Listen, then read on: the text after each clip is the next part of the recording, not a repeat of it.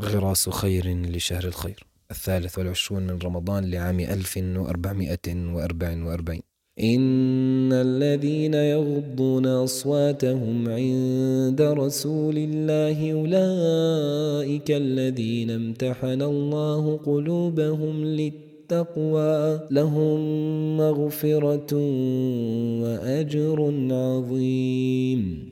تأمل معي مغفرة من الله وأجر عظيم لمن غض طرفه وخفض صوته عند نبي الله صلى الله عليه وسلم تأدبا وإجلالا ومهابة. فكيف بمن اتبعه وذب عنه؟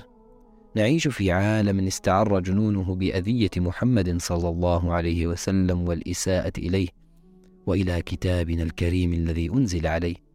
ثم يسمونها حرية شخصية ونحن في عالم الحريات المصونة. في وسط هذا الجنون لا تقبل أن تكون مجرد متفرج خاضع لا ينبس ببنت شفا. لا ترضى بأن يساء لمن حمل مشاعل الهداية والنور إلى قلبك وأنت صامت كجبل أصم. لا تنظر بعين الرضا وتثبت نفسك ناكرا للجميل في سبيل أن تظهر بأعينهم بمظهر المتحضر المتحرر المنفتح. تأكد أن الله قادر ومتكفل بنصرة نبيه حيا وميتا. ولكنه امتحان جديد لك في هذه الحياة قف مع نفسك واسألها أين أبو جهل وأبو لهب وعقبة بن أبي معيط وغيرهم ممن حملوا لواء الإساءة لرسول الله صلى الله عليه وسلم أين هم الآن؟ وكيف انتهت حياتهم وبما بقي ذكرهم؟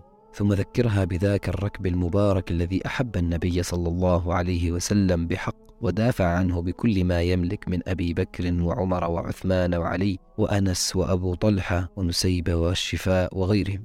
وإياك أن تحيد عن ذلك الركب وتبخل على نفسك ببركة الدفاع عن نبيك الكريم وقرآنك الحكيم قاطع المسيء له انشر سنة نبيك احمل لواءه تفلح في الدنيا والآخرة. وليكن لك نصيب من قوله صلى الله عليه وسلم لا يؤمن أحدكم حتى أكون أحب إليه من ولده ووالده والناس أجمعين. نشهد الله أننا نحبك يا رسول الله يا ذا الأسماء الحسنى والصفات العلى. اجعلنا من أنصار نبيك صلى الله عليه وسلم واحشرنا في زمرته واجعلنا من ورثته واسقنا من حوضه شربة ماء واسقنا من حوضه شربة هنيئة لا نظمأ بعدها أبدا.